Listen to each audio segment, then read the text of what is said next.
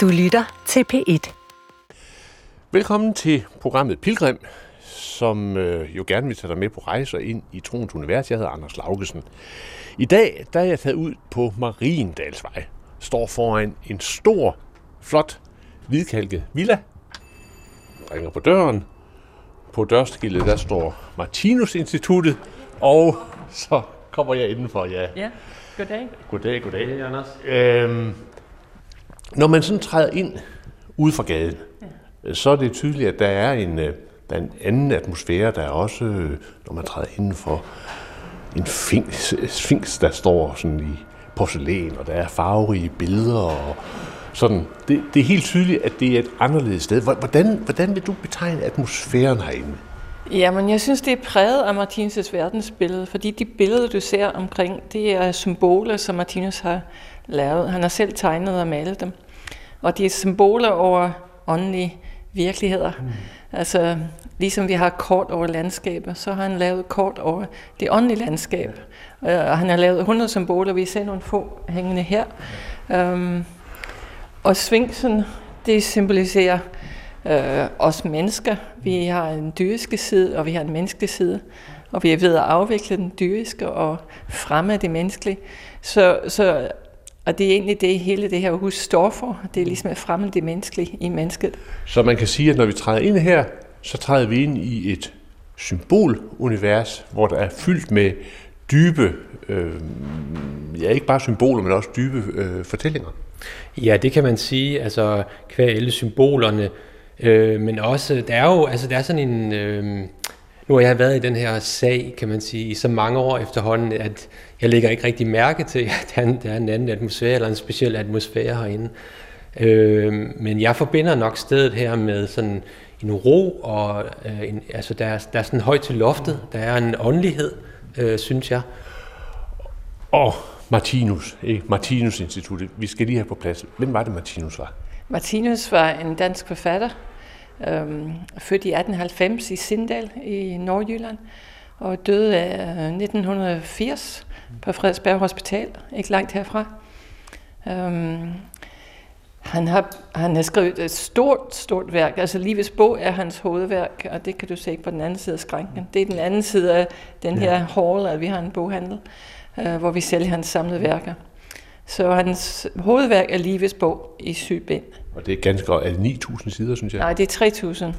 3.000, år. Men hvis du tager alle hans værker sammen, der er en, der har regnet det ud til at være omkring 10.000 sider. Hvordan man lige regner ud, hvad en side er, det ved jeg ikke. Men, men det er et stort værk. Han har udgivet over 43 værker. Og altså både mindre bøger og større bøger. Og han har udgivet hundredvis af artikler og holdt mange, mange foredrag, mm. som ligger på vores hjemmeside. Ja.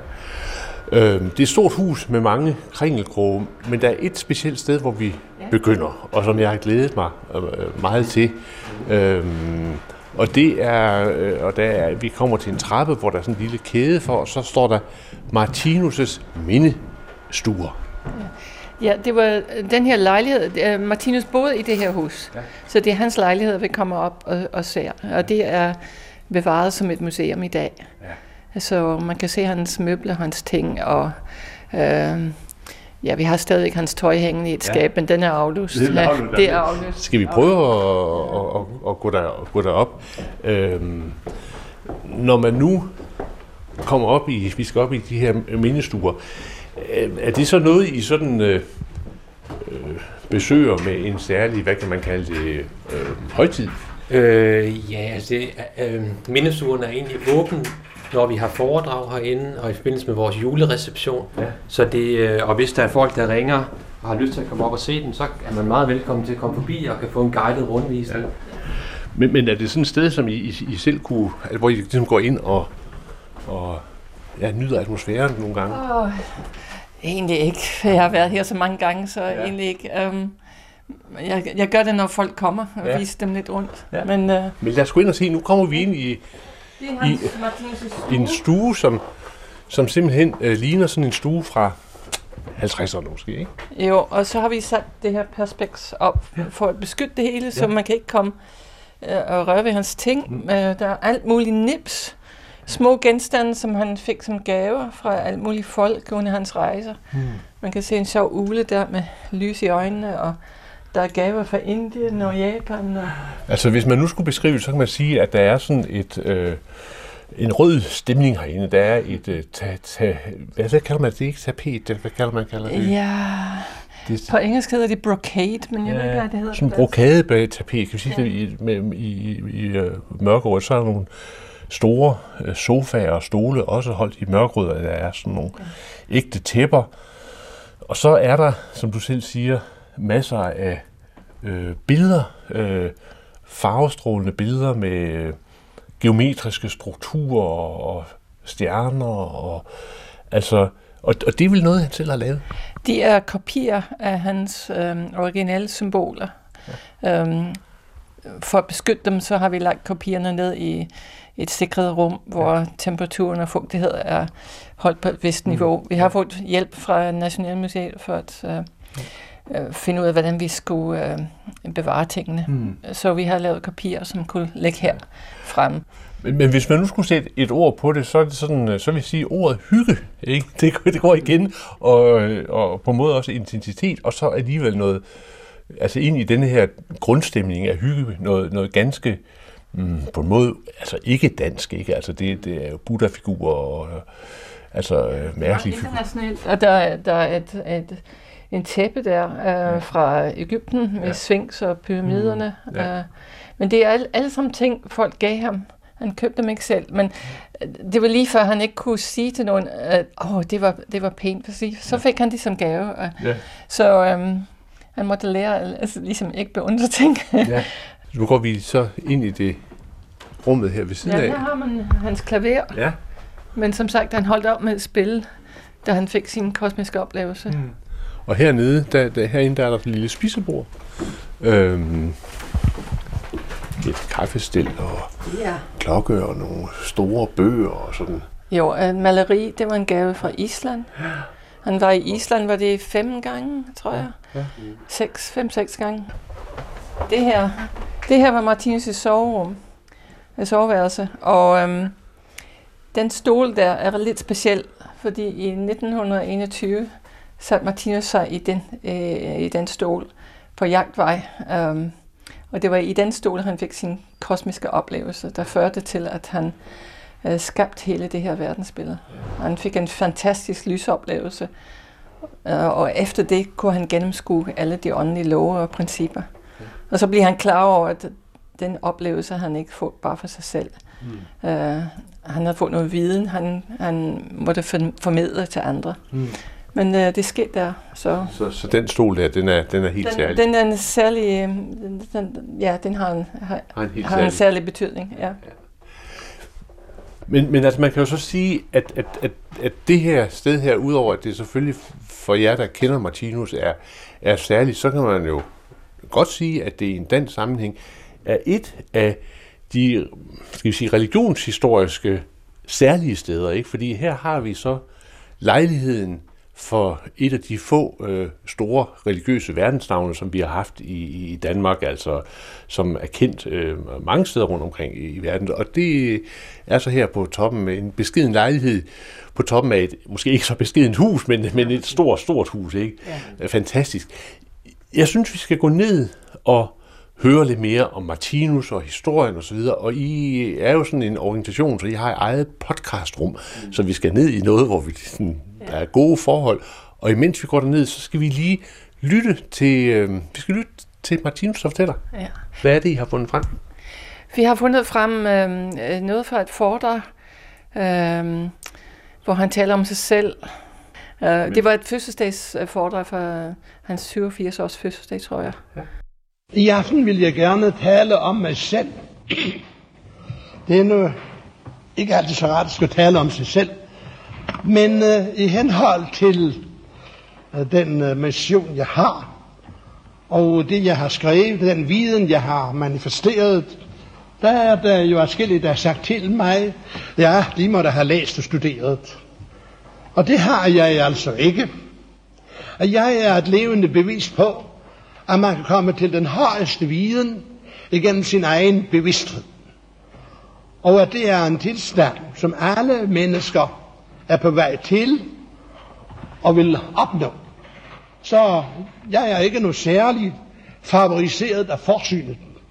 Det jeg kan i dag, og den bevidsthed jeg har i dag, og den vil alle, der kommer efter mig, få. Og dem, der var foran mig, de har den.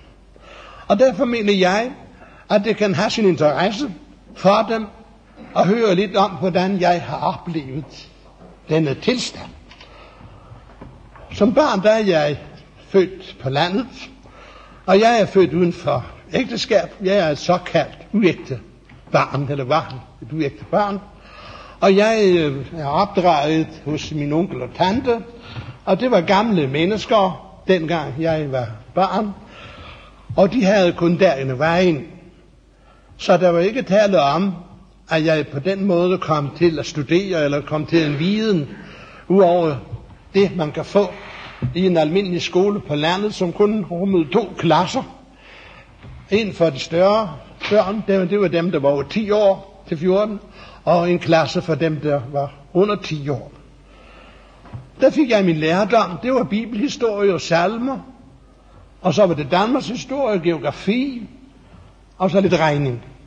Og det er den undervisning, jeg har fået, altså udefra. Men jeg havde et inderligt gudsforhold. Jeg kan ikke huske, at jeg nogensinde har været til uden at bede til Gud. Jeg bad til Gud hver dag. Jeg bad om, at jeg måtte kunne mine lektier, og jeg bad om så mange ting. Og jeg havde også en anden ejendomlighed, Og det var, når jeg var i tvivl om et eller andet. Og så, så sagde jeg til mig selv, mon Kristus ville gøre det. Så kunne jeg mærke, om han ville gøre det, eller ikke ville gøre det. Hvis det var, jeg kunne mærke, at han ville ikke gøre denne handling eller den tilstand, så gjorde jeg det ikke. Men kunne jeg mærke, at han godt kunne gøre det, så gjorde jeg det. Det blev en slags vejledning for mig igennem livet. Som lille, der havde jeg jo haft, jeg havde vældig lyst til, at jeg gerne ville øh, blive lærer, altså skolelærer. Det ville jeg, har jeg lyst til. Og øh, der havde jeg været mindre, der levede min egen mor. Og Hun lovede mig, at jeg nok skulle blive lærer, når jeg blev stor, men så døde hun, da jeg var 11 år, så det blev ikke noget af det. Men øh, det gik jo så til alligevel, at jeg blev øh, en slags lærer. På det kontor, hvor jeg var, der var der en kollega. Han øh, læste en teosofisk bog, og så kommer han og siger til mig, hør der, vi har levet de tidligere liv. Det er ikke det eneste liv, det vi nu lever.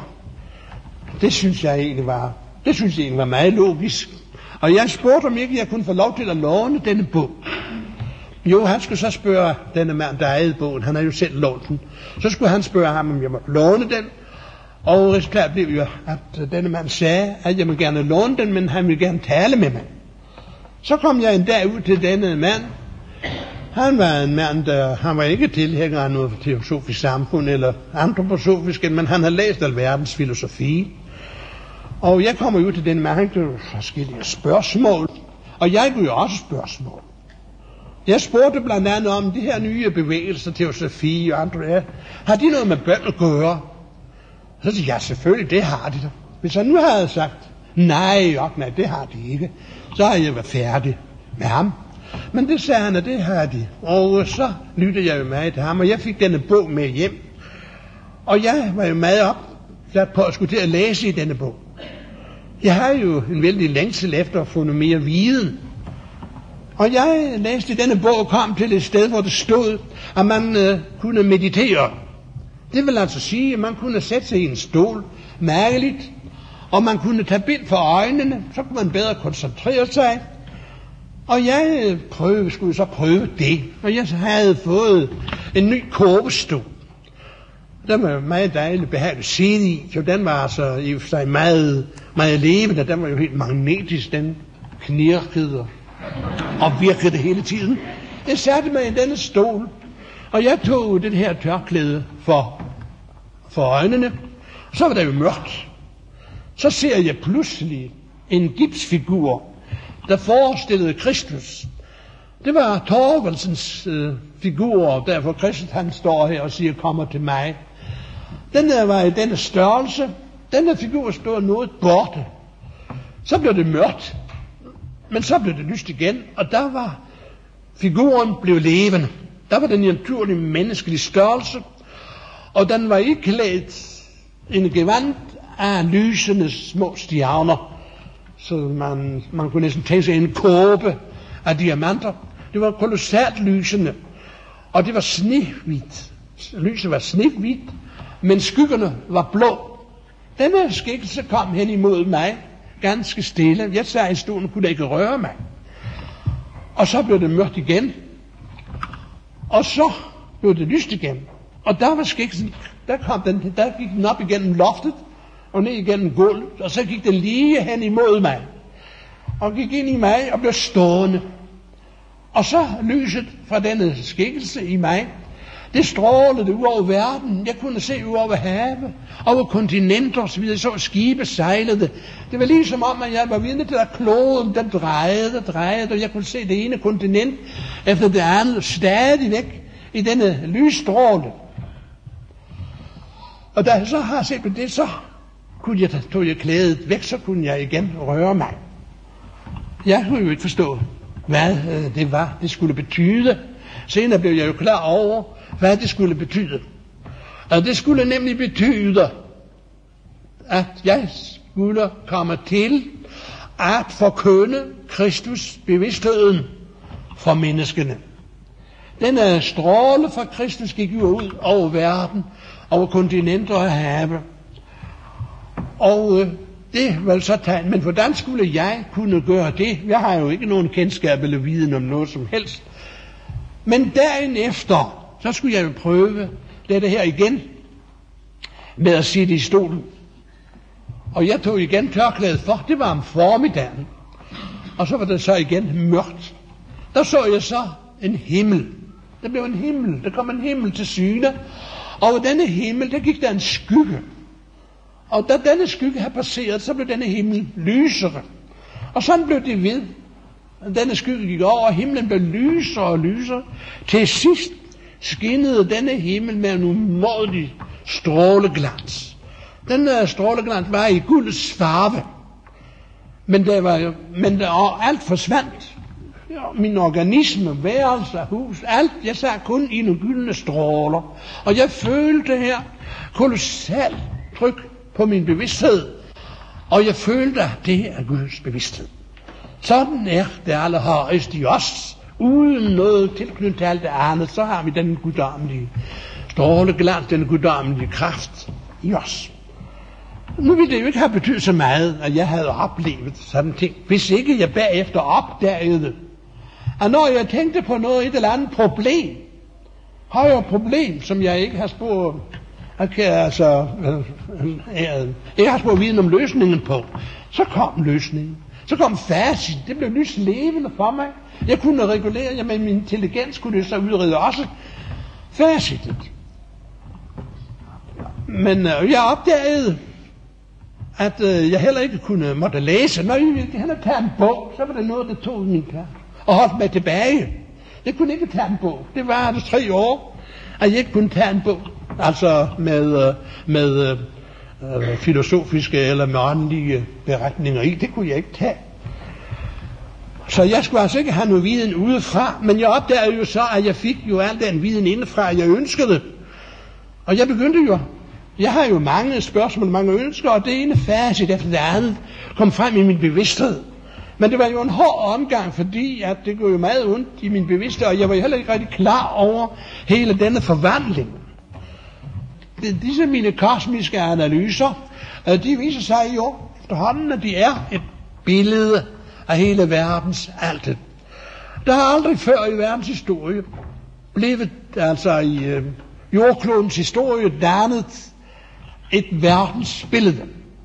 Alle vise mænd har brudstykker af verdensbilledet. Og det man lærer at brudstykker af verdensbilledet. Men i mit øh, verdensbillede, verdensbillede, det jeg har fået lov til at åbenbare, der er jo det hele. Det går op. Der er ikke en eneste sted, hvor de kan finde at der er en fejl. Der er mennesker, der har sagt, at påkører de videre, at det er så rigtigt. De siger jo alle sammen, at hver især, de har sandheden. Jeg kan sige det, øh, fordi at jeg har helheden. Det verdensbillede, jeg har lavet, det viser evigheden. Et verdensbillede må være et billede af evighed. Er det ikke det, så er det bare et tids- og rumdimensionel foretagelse, så er det en skabt ting, og så har det ikke noget med verdensbilledet at gøre. Derfor kan jeg vide, at øh, mit verdensbillede er rigtigt, fordi det går op. Og det facit er jo netop dette, at man skal elske sin næste som sig selv og Gud over alle ting. Det viser mine analyser over hele linjen. Det kan ikke finde et eneste punkt, en eneste analyse, der ikke viser det. Og så har det jo også den opgave, som også er fuldstændig ny, at vise, at mørket ikke er noget djævleværk. At mørket ikke er noget, som øh, Gud ikke har noget med at gøre, men som noget, en djævel, der, der er udstødt af guddommen, og, og så forfølger menneskene og holder dem nede i mørket. Det er en gammel overtro. Herefter, i den nye verdenskultur, og så min analyse bliver grundlaget for, og der vil man komme til at se på mørket, og så en guddommelig velsignelse, som noget, der absolut er nødvendigt. Uden at man ser mørket, vil man aldrig nogensinde kunne se lyset. I samme grad, som man har oplevet mørke. I samme grad kan man se det guddommelige lys. Og derfor er det så viseligt indrettet, at menneskene får lov til at opleve det, de gør imod deres næste. Hele vor væremåde er jo rettet imod vores næste. Og vi får den tilbage igen vores næste. Men det er vor egen handlemåde, der kommer tilbage. Og det er jo det, der hedder at nyde af kundskabens træ. Det viser os, det giver os kendskab til, hvad der er godt, og hvad der er ondt. Ja, nu er vi så bevæget os af de her kringelkroger igennem øh, øh, stedets foredragssal, og så er vi ind i jeres podcastrum, øh, hvor I sender øh, engelske podcast ud i verden. Men altså, skal vi ikke ligesom bakke lidt i tiden, og så forestiller vi os Martinus i denne her fletstol, som vi så op ovenpå. Hvad var det, der skete, da han satte sig i den her flettede stol? Det var i 1921, Ja. og han øh, havde lånt en bog fra en, en fyr, han arbejdede sammen med på mejeriet Enheden mm. i Nørrebro. Og øh, bogen foreslog, at man kunne meditere på, øh, på begrebet Gud, og han tog et bind for øjnene, øjnene og satte sig i den, den der kurvestol, og øh, så fik han et fantastisk alt, altomfattende lysoplevelse, mm. øh, som er rigtig svært at beskrive, men han, han så øh, Torvalds Kristusfigur ja. meget småt på afstand, men den, den kom tættere og tættere på ham, og voksede og voksede, og blev kæmpe, kæmpe stor, og blev levende, mm. blev levende, og så gik den ind i ham. Ja. Og han forklarede, at den blev siddende i ham, og det der Kristuslys ligesom strålede ud fra ham fra den dag øh, og resten af hans liv. Og det gav ham adgang til livsmysteriets løsning. Mm. Altså uanset hvad, hvad for et åndeligt spørg- spørgsmål han stillede, så fik han svaret ind i sig selv.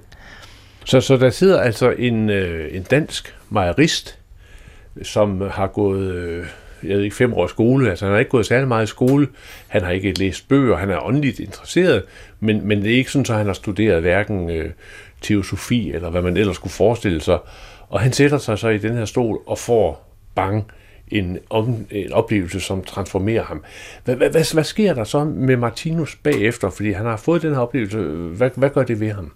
Jamen, han, han, han var jo, før han fik den her oplevelse, var han jo øh, øh, herr Thomsen, kan man sige, øh, Martinus Thomsen, og som, og, som du sagde, så har han haft en helt basal skolegang. Øh, jeg mener, han havde, han havde bibellærer, øh, som han var meget glad for, og han havde regning, og han havde nogle andre øh, fag.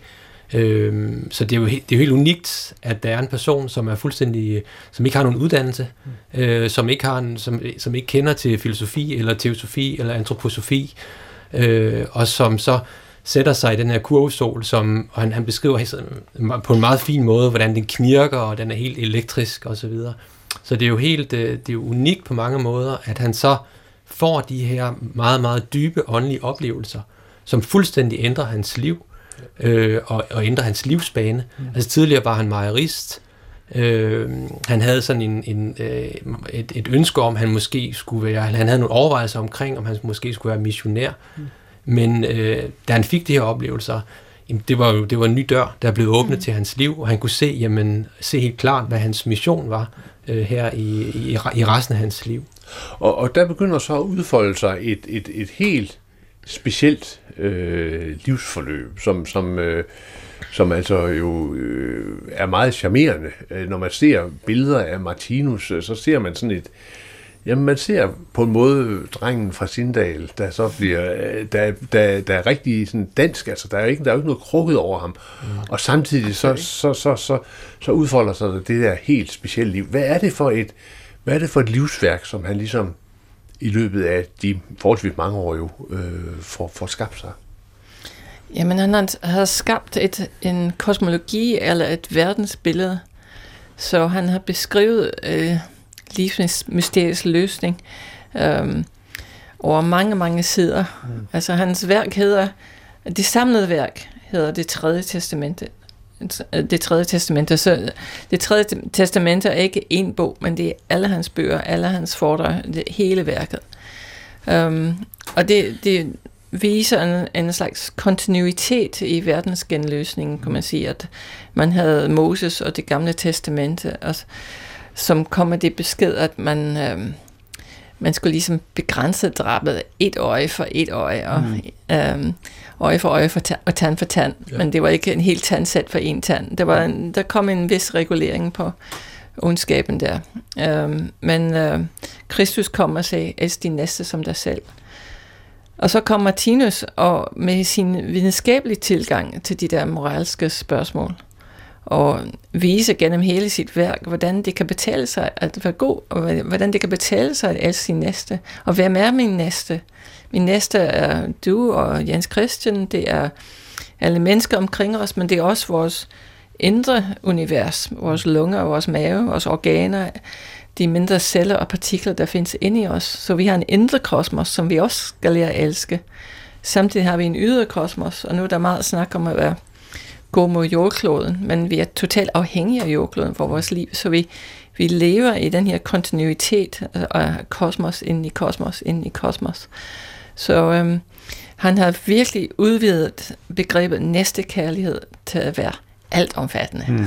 Fra det mindste, mindste, mindste, og det er ikke noget, det hedder det mindste, fordi det, det er et uendeligt spektrum, men fra det mindste partikler til de største øh, galakser. Mm. Altså, øh, alt skal blive omfavnet af vores næste kærlighed. Så, så man kan sige, at på en måde var han altså forud med en form for holistisk tænkning. Ja. Øh. Jo, det er også det, der ligger i, at, at, at det er et verdensbillede. At det er ligesom, han, han har helheden, eller det er i hvert fald et forsøg på at formidle alting. Man kan også sige, det, det er en teori om alting, mm. eller hvad man nu mm. vælger at kalde det. Ikke? Øh, hvor han, øh, jamen vi, vi bevæger os langt ud i makrokosmos, langt ned i mikrokosmos. Øh, han har, han har et, et, guds, et, et gudsbegreb, som han folder ud. Øh, han når rundt omkring mange forskellige temaer, døden og sundhed, øh, mad, sek, øh, køn og seksualitet, øh, samfund, økonomi og, og så videre.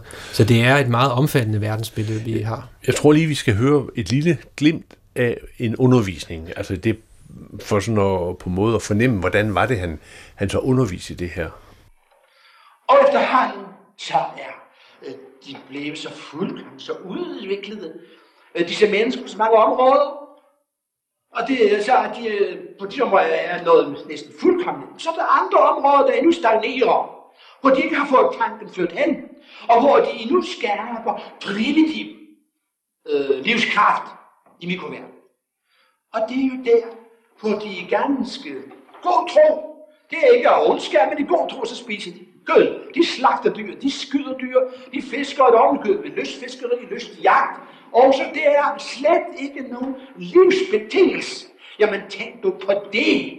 Det er ikke en livsbetingelse at dræbe.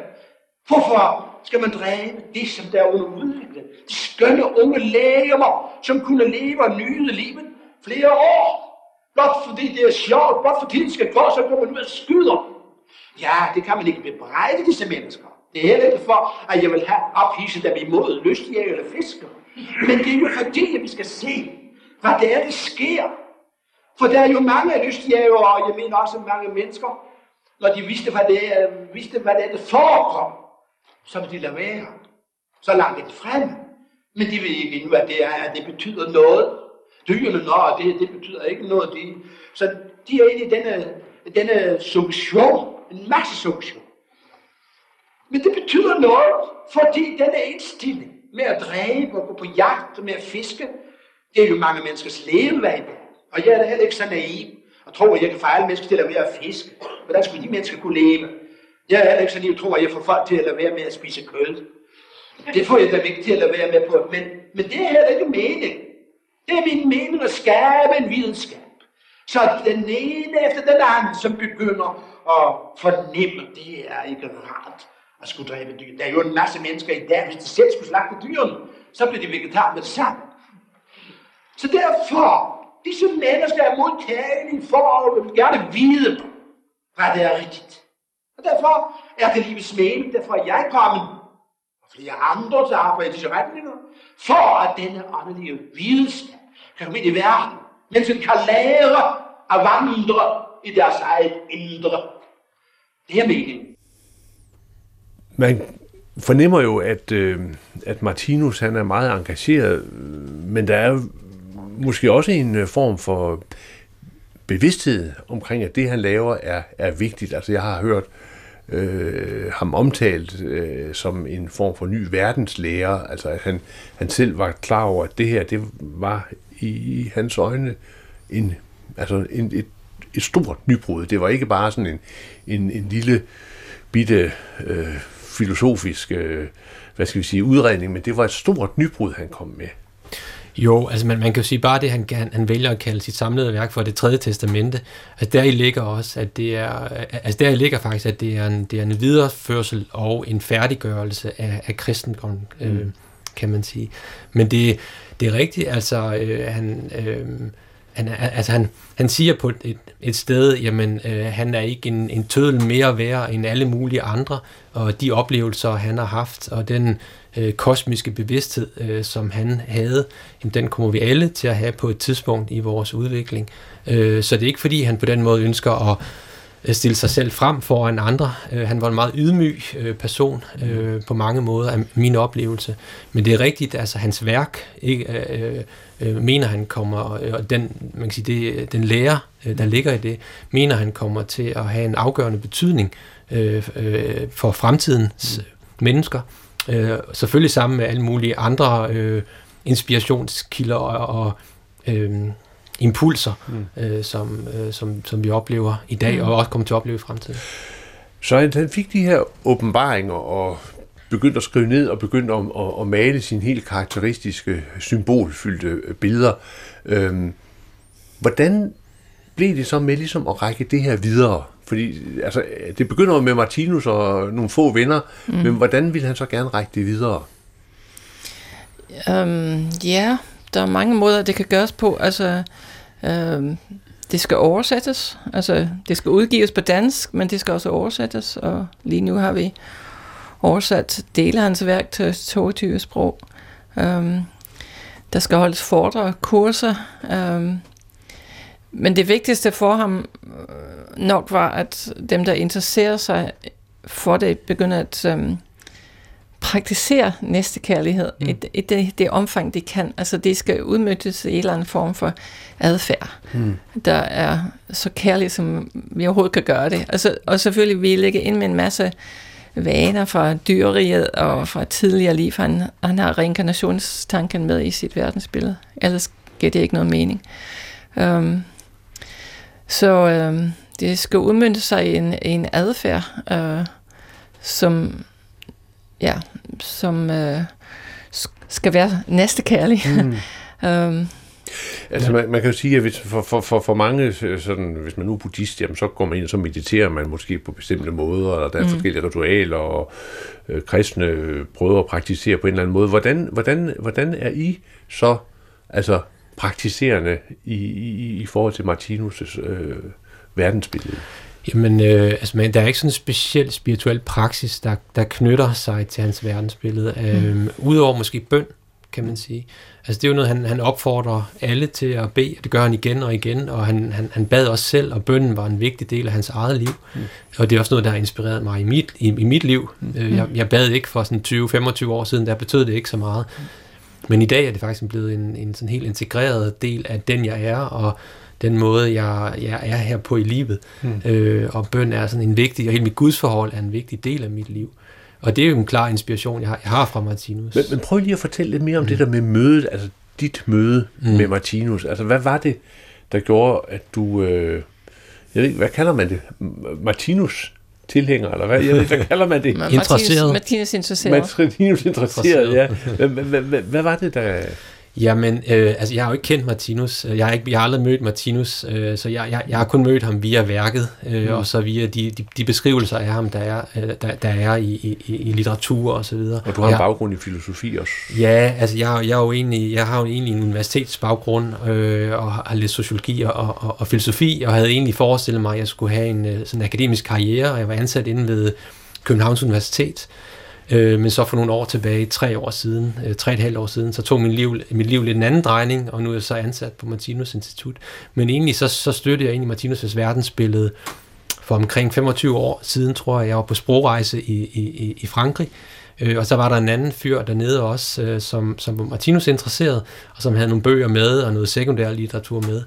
Og det faldt jeg så over, og vi kom til at tale om det, og snakke omkring øh, vegetarisme, og, og også blandt andet... Øh, Martinus' fremtidsbeskrivelse omkring, hvordan samfundet og kulturen vil udvikle sig, og en fremtidig verdensregering osv. Han har nogle ret detaljerede analyser af vores samfund øh, og hele vores kultur i dag. Øh, det, var, som, det inspirerede mig utrolig meget. Som for eksempel siger? Jamen, han, han har jo, han, han siger altså om, øh, om, øh, en, en, om måske 400-500 år, jamen, så vil vi have en verdensregering, øh, hvor, de, som, øh, og, hvor de forskellige stater er, er en del af, af en eller anden form for øh, ja, altså verdensregering eller verdens øvrighed. Mm. Øh, så det er jo sådan meget internationalistisk, øh, øh kan man sige, verdensspil eller perspektiv, som han, som han, han, han, han, han peger mod. Han har også en sådan meget omfattende analyse af hele vores økonomiske system, øh, og hvilke udfordringer han mener, det har. Øh, også hvordan det vil ændre sig i, i, i, i fremtiden. Øh, han har nogle meget øh, spændende analyser af køn og seksualitet, som var meget forud for sin tid. I forhold til det her med, øh, med, med, med, med, med køn og seksualitet, hvis jeg skal prøve, prøve at tage det emne der, så, øh, jamen, så siger han faktisk, at vi, øh, altså alle levende væsener, og herunder, eller øh, os mennesker i dag, vi øh, undergår en, en forvandling for, fra at være øh, henkønsvæsener, og, henholdsvis henkønsvæsener og hunkønsvæsener, øh, øh, til, at, til at, at blive et tredje køn, siger mm. han. Så øh, på et tidspunkt langt ude i fremtiden, nogle tusind år frem ude i, frem, øh, ude i fremtiden, så vil der ikke længere eksistere kvinder og mænd, siger han, men, men mennesker, altså et tredje køn. Øh, og han, han, og han siger også, om 3.000 år, så vil et nyt menneskerige blive en realitet her på jorden, øh, hvor vi både sådan mentalt eller bevidsthedsmæssigt ændrer os, men også rent gradvist, også rent fysisk kommer til at ændre os. Mm.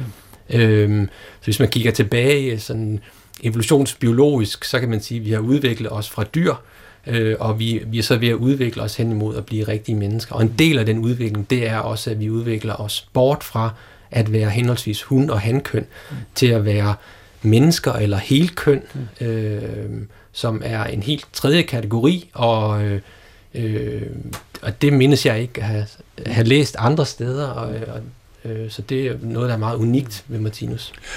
Hvordan, øh, hvordan blev du ligesom, hvad skal vi sige, tændt for Martinus, og, og, og jeg kan høre, du, du er du er ikke dansker oprindeligt. Ikke oprindeligt, øh, jeg er skotte. Du er skotte, ja. Um, og jeg studerede musik i London på konser- øh, en af konservatorierne der, og så jeg var hjemme i Skotland på en ferie, og så traf jeg en dansker, øh, som spurgte, hvad jeg synes om reinkarnation. Og jeg sagde, jamen det lyder som en meget, meget god idé. øhm, og så begyndte han at fortælle mig lidt om Martinus' idéer. Øhm, faktisk uden at nævne Martinus' navn i første omgang, men han prøvede mange af hans idéer af på mig. Og så, øhm, øh, jeg var hjemme i Skotland tit, så øhm, så på et tidspunkt så lånte han mig en lille bog, der hedder Vejen til indvielse på engelsk, i en gammel oversættelse.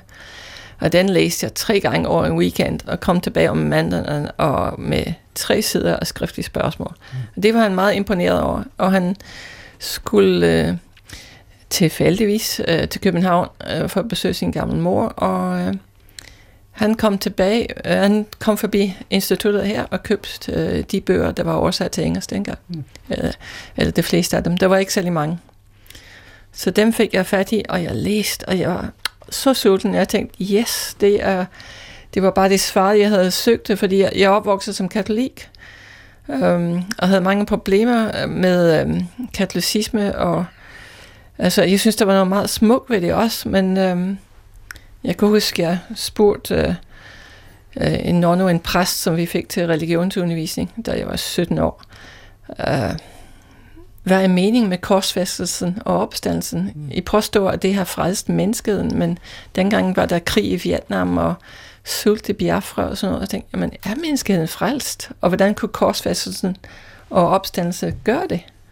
Og så blev jeg smidt ud af klassen for blasfemi. blasfemi. Mm. Så jeg jamen jeg vil virkelig gerne have et svar. så, øhm, men da jeg læste Martinus' lille bog, Påske, som jeg, øhm, det var den ene bog, øh, min dansk ven i Glasgow ikke købte til mig, men den fandt jeg i London. Øh, da jeg læste den, så, så synes jeg, at Martinus havde forstået Kristus fuldt og helt. Mm. Jeg tænkte, nu var hele Kristus øh, mission forklaret. Altså, det var en fantastisk oplevelse. Jeg tænkte, jamen, fordi jeg vidste, der var noget rigtig ved det, men jeg kunne bare ikke forstå det. Men det forstod jeg, da jeg læste den lille bog, Påske. Og hvad var det så, Martinus han, han, han så i Kristus, ja. som, som, som var anderledes i den katolske kirke? Um, for det første, så har, han, har Martinus reinkarnation med. Så det vil sige, at du har mere end et, et liv at, øh, at nå frem til mennesket i Guds billede efter hans lignelse. Det kan ikke nås inden for et liv, som vi er nu. Vi har så mange, jeg skal måske kun tale for mig selv, men vi har så mange ufuldkommende sider, så vi, bliver, vi, har, vi får ikke et fuldkommen adfærd i det her liv. Vi kan godt øh, bevæge os noget skridt frem, men vi når ikke målet. Altså, øh, Kristus var en moralsk geni. Han kunne ikke andet end at elske sin næste som sig selv. Han kunne ofre sit liv for sin øh, mission. Han kunne tilgive sin bødler. Altså, vi har lidt svært ved at blive irriteret. Øh, ikke blive irriteret, hvis nogen hænger os op på et kors. Ikke? Så, men øh, så langt skal vi kunne nå. Men det kan ikke nås inden for et liv. Men hvis, du, hvis man tager reinkarnation med i billedet, ja. så er der pludselig mange muligheder, der åbner sig. Så du blev så tiltrukket til Martinus, og ja. så kom du til Danmark? Ja, altså jeg begyndte at besøge Martinus Antiklint i 78. Um, øhm, der var en engelsk uge dengang. Og det er et uh, kursussted, som I har på Nordsjælland? Ja, det ligger uh, lige uden for Nykøbing Sjælland. Ja. Og um, der var en, en international uge den, dengang, og uh, jeg blev helt uh, opslugt af det, og fik det store privilegium at træffe Martinus dengang, um, og kunne stille ham spørgsmål, og han var så generøs med sin tid, og tog en af hans symboler, det der hedder hovedsymboler, det, det evige verdensbillede ned fra væggen og forklarede, forklarede i, i, så vidt jeg husker, det var de tre timer. Ja. Gennem en tolk, fordi ja. jeg kunne ikke dansk dengang. Så, så blev jeg hængende, så kom jeg hver sommer derefter. Begynd, øh, jeg tog straks tilbage til London og begyndte at lære mig selv dansk, fordi jeg havde læst alt, hvad der var på engelsk, mm. og jeg tænkte, jeg kan ikke vente på, at resten bliver oversat. Der var ikke nogen, der var i gang med det. Mm. Men jeg anede ikke dengang, at jeg selv skulle gøre det. nej, nej. Men øhm, jeg, jeg gik i gang med at lære mig selv dansk, for at kunne læse Martinus på originalsproget. Mm. Alt det, der ikke var oversat. Øh, hvad var det, der ligesom... Altså, var det nogle ting, der faldt plads, på plads i din forståelse af verden? Var der noget, der berørte dine følelser, dit hjerte?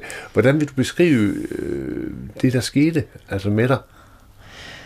Der var nogle ting, der blev meget tydelige. Ligesom, jeg bevægede mig meget i sådan øh, åndelig miljø i England. Jeg var meget, øh, jeg læste den ene åndelige bog efter den anden, og jeg var meget søgende og, og folk havde mange veje til indvise gennem særlige meditationer eller teknikker og sådan noget. Og så da jeg læste Martinus, tænkte men der er kun én vej, og det er ikke for at forklare andre vej, men altså, for mig var det kun én vej, og det er den moralske vej. At blive et bedre menneske. Hmm. Det var meget, meget tydeligt, men det var også tydeligt, at jeg havde god tid på, god tid på mig. Hmm. Så, øhm, og nu øh, er jeg oprindelig musiker, og jeg var vant til det der begreb talent, og det var altid et mys- noget mystisk noget. Enten var man født med det, eller mm. ikke. Mm. Og, øhm, men så kunne jeg se, at man kunne opbygge en musikalsk talent over flere liv. Mm. Og det kunne forklare, at nogle af de små børn, jeg underviste, var geniale lige fra starten, og nogle var utrolig langsomme og var meget længere med at lære ting. Men øhm, det er det samme øh, med et, et talent for næste kærlighed, at de hårde oplevelser, vi får gennem livene, gør, at vi, vi vokser. Vi vokser som mennesker. Vi mm. vokser i empati. Uh, hvis jeg har brækket min store tog, så har jeg empati for en anden, der brækker store tåen, fordi jeg mm. kan føle det selv. Mm. Så alle de mørke oplevelser, vi, vi går igennem, um, det udvikler os. Det udvikler den der em- empatiske, mm. som skal nå til at blive 100%. Ja. Så, så jeg fik en meget klar retning, at um, det var en moralsk udvikling, der var vejen til indvielse. Mm. Altså, det var ydmyghed og øhm, ja, ja, samtidig med, at han kom med en meget videnskabelig øh, tilgang til alle de her spørgsmål. Og når du siger videnskabelig, så er det en form for an- analytisk tilgang? Eller? Ja, til eksempel, du nævnte ja. bøn. Jo, altså jeg vil også øh, sige, ja. altså det er jo det er også det, at han, han ligesom præsenterer et samlet verdensbillede, ja. som er sammenhængende, mm øh, som er konsistent mm. øh, med øh, analyser, med argumenter. Øh, og, der, og, og det, er jo, det er måske der i videnskabeligheden ligger, mm. at det er noget, der også appellerer til vores intellekt, ja. mm. øh, og vores, sådan mere, øh, vores behov for at kunne få et eller andet intellektuelt, fornuftsmæssigt greb om tingene, kan man sige. Begreberne, der hænger sammen. Ja, netop sådan noget. Er der et særligt... Øh er der et særligt fællesskab blandt jer, som er inspireret af Martinus? Og ligesom, altså, øh, ja. Jo, det vil, det vil jeg mene. Det ja. er der. Altså, jeg har jo rigtig mange af mine meget gode og nære venner, de er også Martinus interesseret. Mm. Og jeg har været en del af den her sag, som Martinus kaldte det, øh, i snart 25 år. Øh, så jeg, jeg kender, øh, jeg er næsten, jeg er ikke vokset op med det, men øh, hele min ungdom og mm. øh, har jeg, øh, har jeg ligesom færdes i de kredse. Altså vi har jo, der er jo både, der er instituttet her på Frederiksberg, så har vi, øh, som, som Mary nævnte, så har vi også det her kursuscenter i Klint mm. i Odsad. Og, øh, og jeg har kommet der, nu bor jeg så, så deroppe faktisk mm. med min kone på en gård øh, i, i, i Klint, og jeg er kommet på centret øh, hvert år, øh, lige siden jeg kom derop første gang i slutningen af, af 90'erne øh, som jeg har fået nogle rigtig gode og nære venskaber. Og det at være sammen med nogen, der deler det her mm. verdensbillede, der deler ja. den her forståelse, øh, betyder rigtig meget, og giver sådan en fælles referenceramme, mm. øh, og en sådan umiddelbar forståelse øh, for, øh, nå siger du, altså der, der er sådan en umiddelbar forståelse for, øh, for verden, som, ja. er, som vi deler, mm. øh, selvom vi også er forskellige på alle mulige ja. mærkelige måder, og ja. har alle mulige andre interessant, mm. interesser også. Mm. Men, men alligevel er der en eller anden form for ja, fælles, fælles reference. horisont. Mm. Når man sådan hører jer fortælle om, om Martinus og hans øh, store sammenhængende verdensbillede, så kan man jo også øh, sige, at øh, øh, det kan ses som udtryk for en tid, hvor verden hang sammen. Altså hvor der var ideologier, og hvor der mm. var øh, store konstruktioner omkring, hvordan verden hang sammen. Og der må man jo nok konstatere, at der er sket en dekonstruktion af mm. rigtig meget. Altså der er rigtig meget, der er faldet fra hinanden og ikke hænger sammen. Altså verden, det at, at, at, at øh, byde ind med et sammenhængende verdensbillede i dag, er jo øh, er jo usædvanligt. Hvad, hvad tænker I om det? Altså, er tiden løbet fra jer? Ja, nej, Martinus, nej, absolut eller? ikke. Uh, altså, altså Martino, en af de vigtigste ting i Martinus' verdensbillede er hans forklaring uh, af mørket. Og nu er, vi lever i et stort mørke. Lige nu der er krig i Ukraine og andre steder i verden. Der er en økonomisk øh, system, der ikke fungerer, mm. hvor meget, få bliver meget rige, og andre skal vælge mellem medicin eller varme og sådan noget, eller mad. Øhm, så, så verden er meget ulige fordelt lige nu. Øhm, men Martinus beskriver hele den epoke, vi gennemgår lige nu, som indvielsesmørke. Mm. Og øhm, mørke har, har den, øh, øh, det formål at ligesom øh, danne en kontrast til lyset. Altså uden de her to store kontraster, så kunne vi ikke opleve, liv, opleve livet overhovedet. Så det mørke, vi oplever nu, al denne dekonstruktion, du taler om, det, det vil føre til en, en, en meget lys verden, mm. hvor øh, nationalismen vil, øh, vil forsvinde. Vi vil få en international verdensrige, siger han. Så lige nu kæmper, kæmper folk om landegrænser og ejendom og, og så videre. Men øh, alt det vil forsvinde på et tidspunkt, men øh, ligesom dyret skal rasse ud. mm. øhm, og vi kan kigge på svinksen før. Den dyriske del af, af vores væsen skal, øh, skal leves ud, og, og der kommer reinkarnation ind i billedet, fordi nu er der mange, der dør i krig lige nu, og dør i naturkatastrofer, og oversvømmelser, og tornadoer, og jeg ved ikke hvad. Um, og masse skydninger i USA lige nu, og så videre.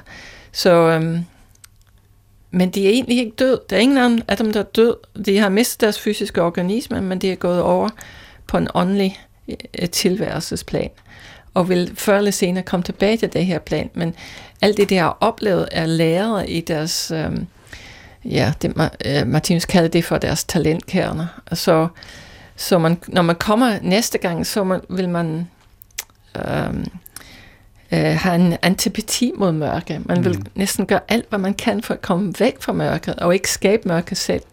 Selvom man har mange vaner med at skabe mørket, så det er lidt en kamp, men... Øh, man siger, det er uundgåeligt, at vi, vi skaber fred på jorden. Mm. Men øh, når verden er så mørk, som det er lige nu, så er det en baggrund for det. Mm. Altså. Men ellers som svar på dit spørgsmål, mm. Anders, øh, er, er, er, er der plads til, til det her, øh, kan man sige, den her store fortælling, øh, mm. som det er, som ja. fagner det hele på mm. en eller anden måde, ikke? Øh, det er jo rigtigt nok, at man, som går tilbage i tiden, ikke, så, så har vi set de store fortællinger med, med Marx, der kom med, og liberalismen og kommunismen og så videre. Altså de her, altså, og hvis man går endnu, endnu længere tilbage i, i, i filosofihistorien med Hegel og så videre. Øhm, og der, og jeg, jeg tror også, der er mange, der er sådan er spirituelt eller åndeligt interesseret i dag. De shopper lidt rundt, mm. de prøver lidt, og så prøver man lidt, lidt buddhisme og går til et foredrag øh, om Martinus og lidt meditation og, øh, og går på en helsemesse og går måske i kirken en gang imellem. Og så sammensætter man selv sit eget verdensbillede på en måde, der giver mening for mm. en. Og, øh, øh, og nu har jeg jo selv undervist ved, ved, ved, ved øhm, universitetet, så jeg, jeg kender det rigtig godt, også blandt unge. Altså, hvis der er en, der kommer og siger, øh, jeg, har sand, jeg har sandheden mm. med stort S, jamen det, det er meget kontroversielt, specielt mm. i den tid, som vi lever i i dag. Og det kommer Martinus faktisk mm. og siger. Øh, øh, men jeg, jeg tror for, for mit vedkommende, så jeg har altså, så, så synes jeg virkelig, der er en, øh, det er en kæmpe gevinst at have et sammenhængende verdensbillede. Mm. Øhm, øh, et, et, et, som, som giver mening, og, og som, som, som hjælper mig, som er en, et redskab eller en ressource, jeg kan anvende i alle mulige forskellige situationer, øh, og som, øh, som jeg også udforsker. Det er jo ikke sådan et verdensbillede, der det er jo noget, der hele tiden øh, udfolder sig på nye måder for mm. mig, og som jeg udforsker, og, og som jeg udforsker i dialog med min omverden mm. og mine medmennesker og øh, alle de andre input, som, som jeg også får. Her i programmet Pilgrim har vi i dag besøgt Martinus Instituttet på Frederiksberg. Der mødte jeg Jens Christian Hermansen og Mary McGovern, og desuden så kunne du høre gamle optagelser med Martinus. Her er det Anders Laugesen, der siger tak, fordi du lyttede med, og forhåbentlig på genhør om en uges tid.